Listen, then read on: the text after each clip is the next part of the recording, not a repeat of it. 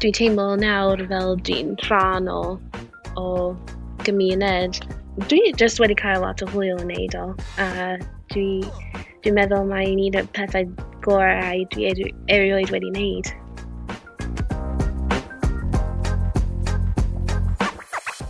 Helo a chroeso i hefyd, y podlediad am ddysgwyr Cymraeg gyda fi, Richard Nolsworthy. Bob mis dwi'n siarad gyda dysgwr gwahanol er mwyn ffeindio allan am ei bywydau a pham a sut maen nhw'n dysgu'r iaith. Y tro diwetha, clywon ni gan Rosa Hunt, y gweinidog capel sydd wedi symud o Malta i Gymru. A diolch i Dr Tom Jones nath ymateb ar Twitter. Oedd hwnna yn ddefnyddiol iawn unwaith eto, meddai fe. Diddorol hefyd, diolch Richard a Rosa. Wel diolch yn fawr iawn i chi, Tom, am yr adborth. Y gwestai y tro yma ydy Jordan Burress o Cleveland, Ohio yn yr unol dileithiau. Dechreuodd Jordan ddysgu Cymraeg ar ôl gwrando ar gerddoriaeth yn y iaith. Doedd hi ddim yn adnabod siaradwyr Cymraeg, felly mae hi wedi dysgu Cymraeg ar-lein.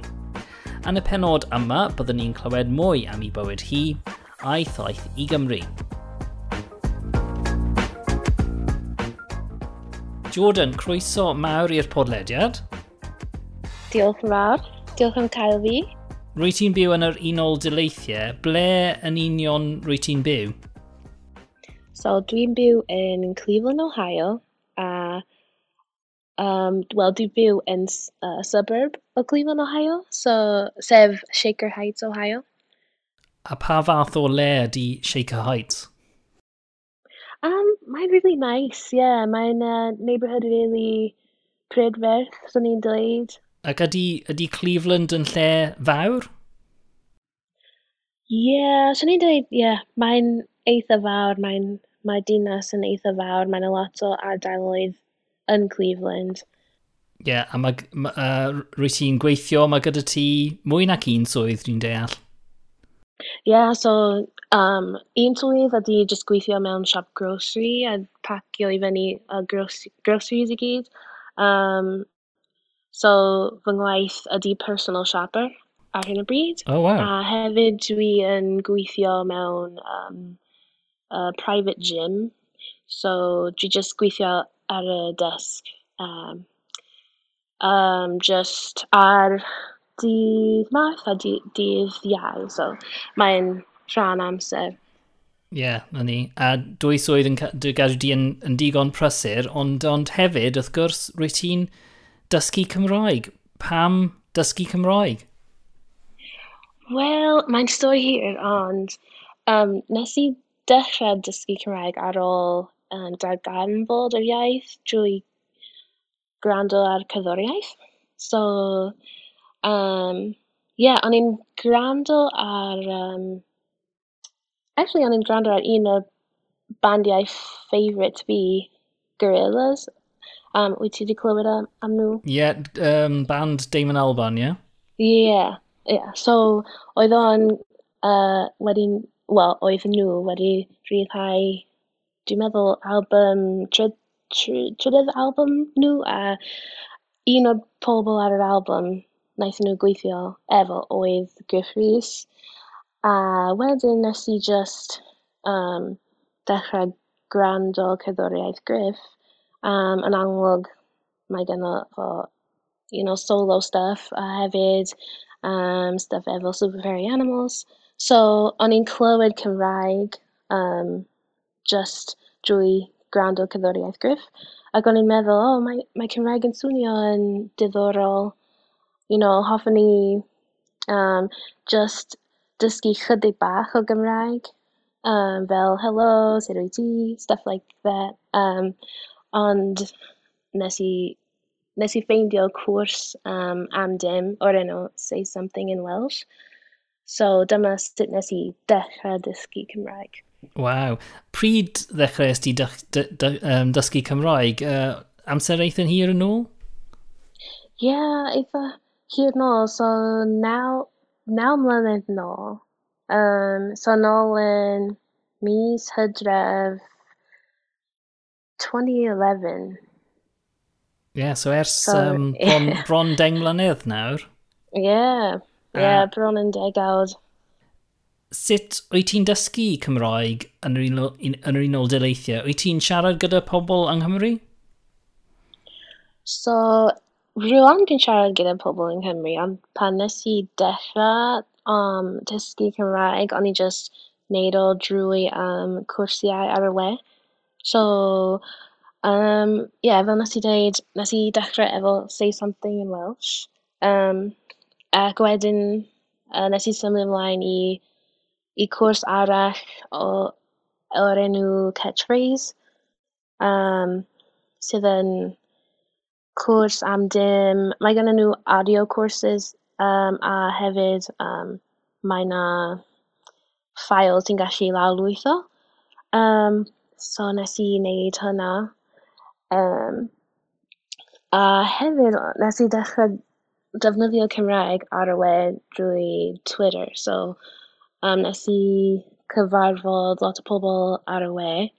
Uh, dwi'n cofio siarad gyda nhw um, just drwy Twitter. So yeah, oedd hyn, oedd hynna'n helpu fi lot um, achos ar y, ar y dechrau, odd doedd dim pobl i siarad efo, really, um, wyneb i wyneb. Ie. Yeah. So felly, wyt ti, sut nes di gwrdd â pobl trwy Twitter? Trwy'r Trwy, Super Furry Animals neu, neu rhywbeth arall? Um, dwi'n meddwl, nes i just dilyn pobl, uh, well, dwi'n trio cofio ben nes i. Dwi'n meddwl nes i dechrau just teipio stuff yng Nghymraeg a wnaethon nhw ffeindio fi. Um, dwi'n meddwl like just defnyddio y hashtag dysgu Cymraeg ac wedyn oedd pobl yn deud "o ti'n neud yn iawn" o neu "o da iawn you know dal ati a wnaethon nhw dilyn fi nes i dilyn nhw. Um, a yeah rai o bobl dwi 'di bod yn dilyn ers probably 2013, 2014 a ni 'di um, bod yn ffrinds ers, ers hynna. So, ie, yeah, mae, mae Twitter yn really da. Os ti'n trio dysgu Cymraeg neu um, defnyddio dy Gymraeg ar y we, mae Twitter yn, yn um, lle da i defnyddio dy Gymraeg. A pa mor anodd ydy hi wedi bod i, i ddysgu Cymraeg? Achos rwy ti wedi dysgu ychydig o Sbaeneg a Mandarin, dwi'n dwi clywed. Do um, yeah, so oedd yn oedd yn gwahanol um, i dysgu ar fy mhen fy hun ond dwi'n meddwl achos dwi wedi dysgu ieithoedd eraill yn y dosbarth o'n i'n gwybod beth i wneud um, efo you know ymarfer a um, ail a dwi wedi anghofio y gair am review ail Um, yeah, adolygu. Adolygu yeah. so Ond ie yym hmm i ateb y cwestiwn um, mae hi wedi bod yn chydig bach anodd um, ond mewn ffordd oedd dysgu Cymraeg yn eitha hawdd achos um, doedd dim dwy- doedd dim you know gwaith cartref a stuff fel 'na. O'n i'n just gallu neud o you know at my own pace. So um, yeah, d- nes i ddim yn ffeindio fo'n anodd iawn Um, yeah. Wow. yeah, nes i ddim ffeindio fo'n yn rili anodd ond dwi'n meddwl just achos dwi 'di trio dysgu iaith um, cyn dysgu uh, Cymraeg Um, a dwi'n meddwl nes i dysgu sut i dysgu iaith mewn yeah. ffordd. Os wyt ti wedi yeah. dysgu iaith arall Efallai bod yeah. hi'n haws wedyn i wneud Cymraeg neu iaith newydd. A rwy ti, wrth gwrs, wedi bod yn dysgu ar-lein, ond nes ti dod i Gymru uh, cwpl o fynyddau nôl. Sut profiad oedd, oedd hynny? O, oedd hynny'n really, really, really exciting. um, yeah, achos o'n i, o'n i wedi bod yn trio mynd ers probably 2016 neu rhywbeth. Um, yeah, was, o'n i wastad wedi isio mynd, so pan ges i cyfle i actually mynd, um, o'n i'n cyfroesi well, o'n i, wedi cyflwy. Um, nes i cyfarfod efo ffrind yn so nes i treulio cwpl o dyddiau uh, i fyny yn. Um, a wedyn nes i fynd i Gaerdydd um, ac oedd, oedd just o'n i'n mor hapus i fod yno i actually defnyddio fy Nghymraeg a cael cyfle i siarad y pobl. Um, yeah, oedd yn just really, really cool. Oedd uh, Cymru fel oedd y tîm disgwyl cyn, cyn dod yma? Ie, yeah, dwi'n meddwl, achos um, Unwaith o'n i wedi dod i wel dim Cymru ond Lloegr. So o'n i'n o'n i'n gwybod sut um, uh, sut uh, sut i dal y trenau a pethau fel 'na. Um, ond ie oedd Cymru yn yn really,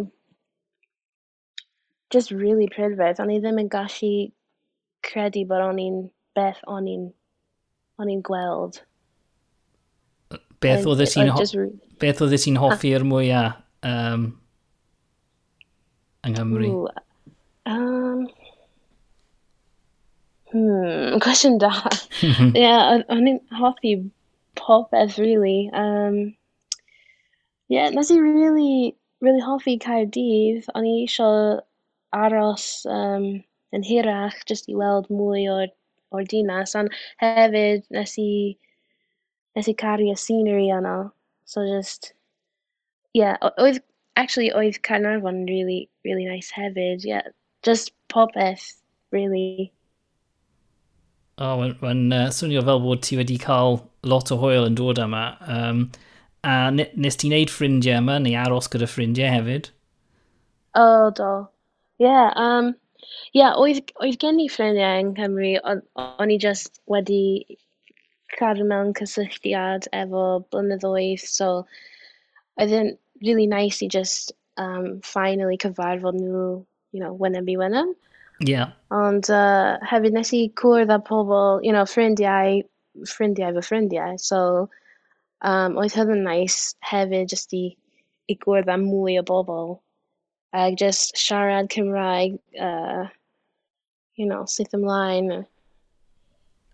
A, a beth, uh, sut mae um, dy ffrindiau di a dy deulu di wedi ymateb i ddysgu Cymraeg? Beth maen nhw'n meddwl am y ffaith bod ti wedi dysgu'r iaith? O oh, ie, yeah, wel, mae teulu fi yn...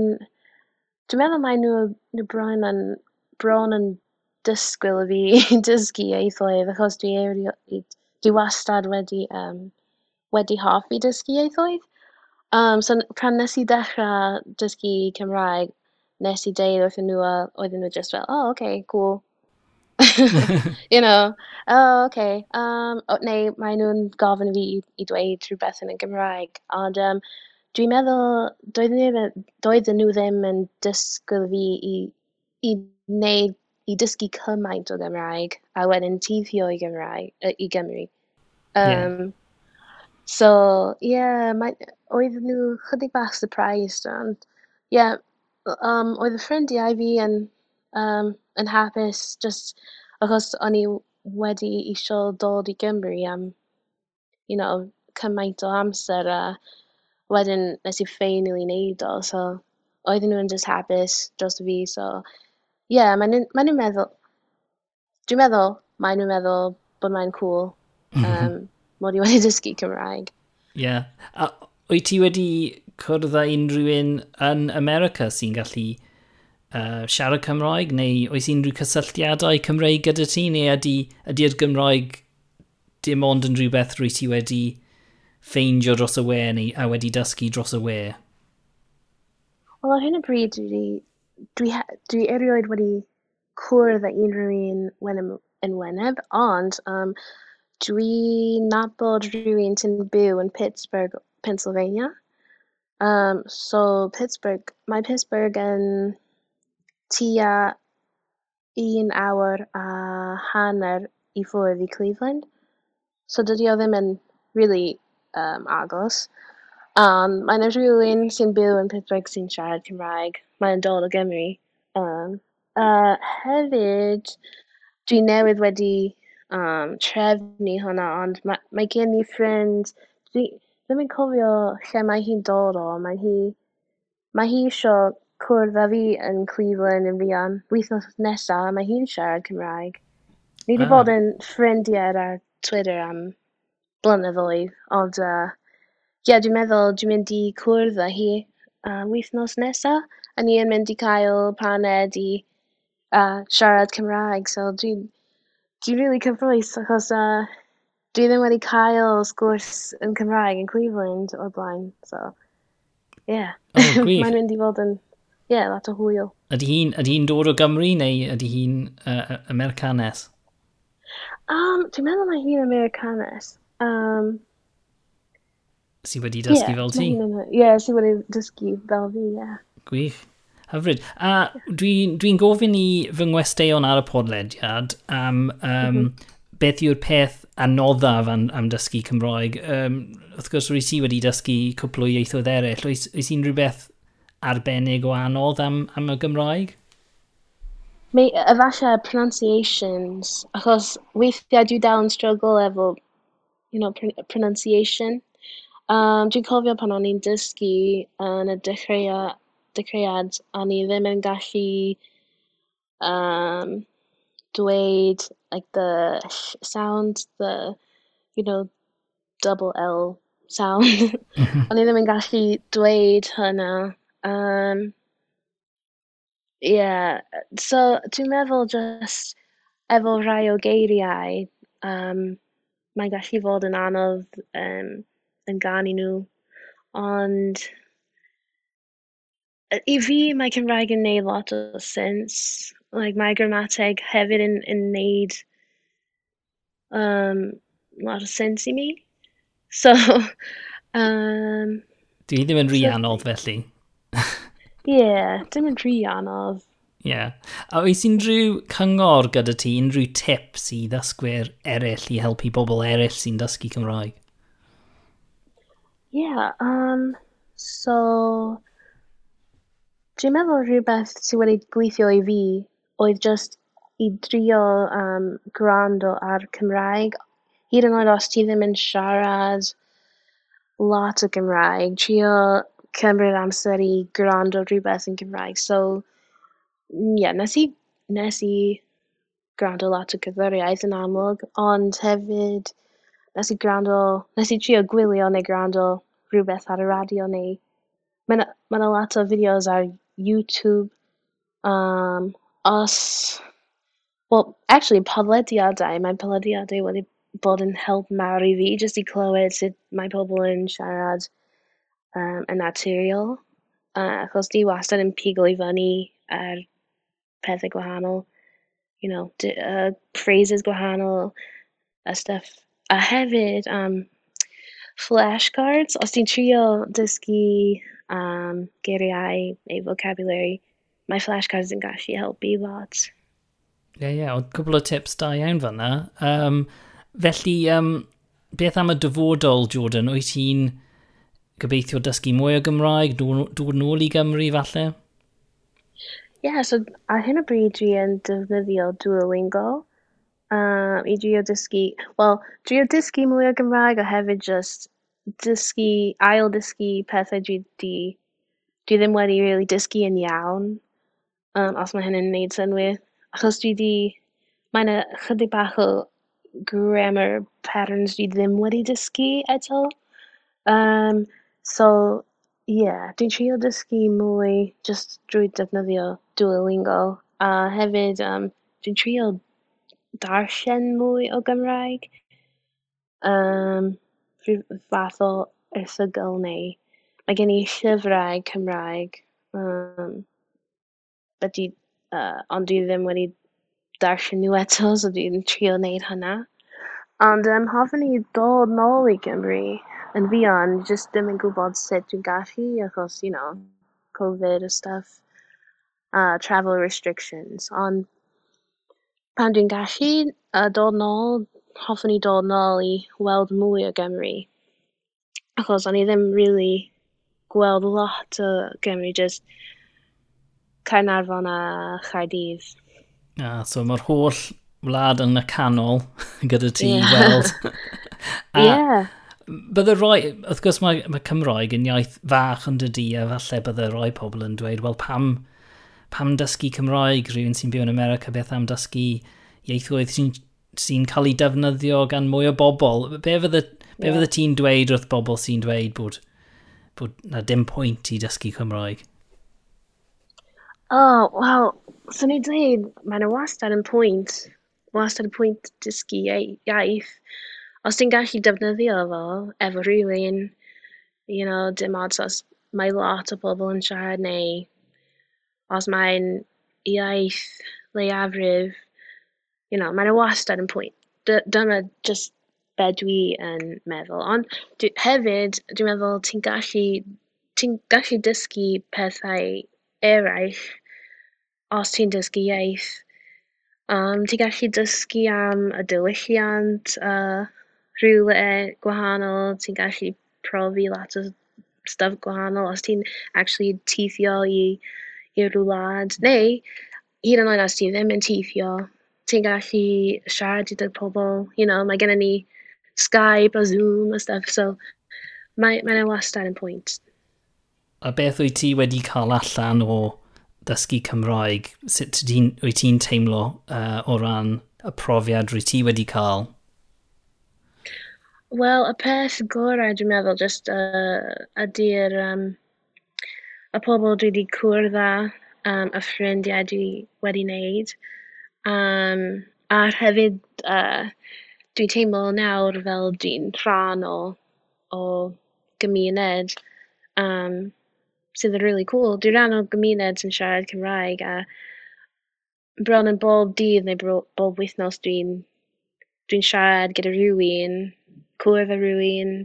Um, so ie dwi dwi wedi cael dwi jyst wedi cael lot o hwyl yn neud o a dwi dwi'n meddwl mae'n un o'r pethau gorau dwi erioed wedi wneud. Gwych iawn. Wel, diolch yn fawr, Jordan, am, am siarad gyda fi heddiw. Uh, mae wedi bod yn bleser a dal ati gyda'r dysgu. A gobeithio byddwn ni'n gallu cwrdd os ti'n dod nôl, bydde hynny yn hyfryd. O oh, ie, yeah, bydde hynny'n neis, nice. ie. Yeah. Wel, diolch eto am siarad, a um, yeah, pob hwyl, pob lwc gyda dysgu. O, oh, diolch.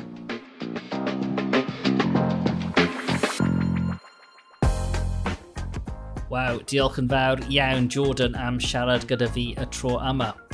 Mae dy Gymroeg di yn wych a stori mor ddiddorol hefyd.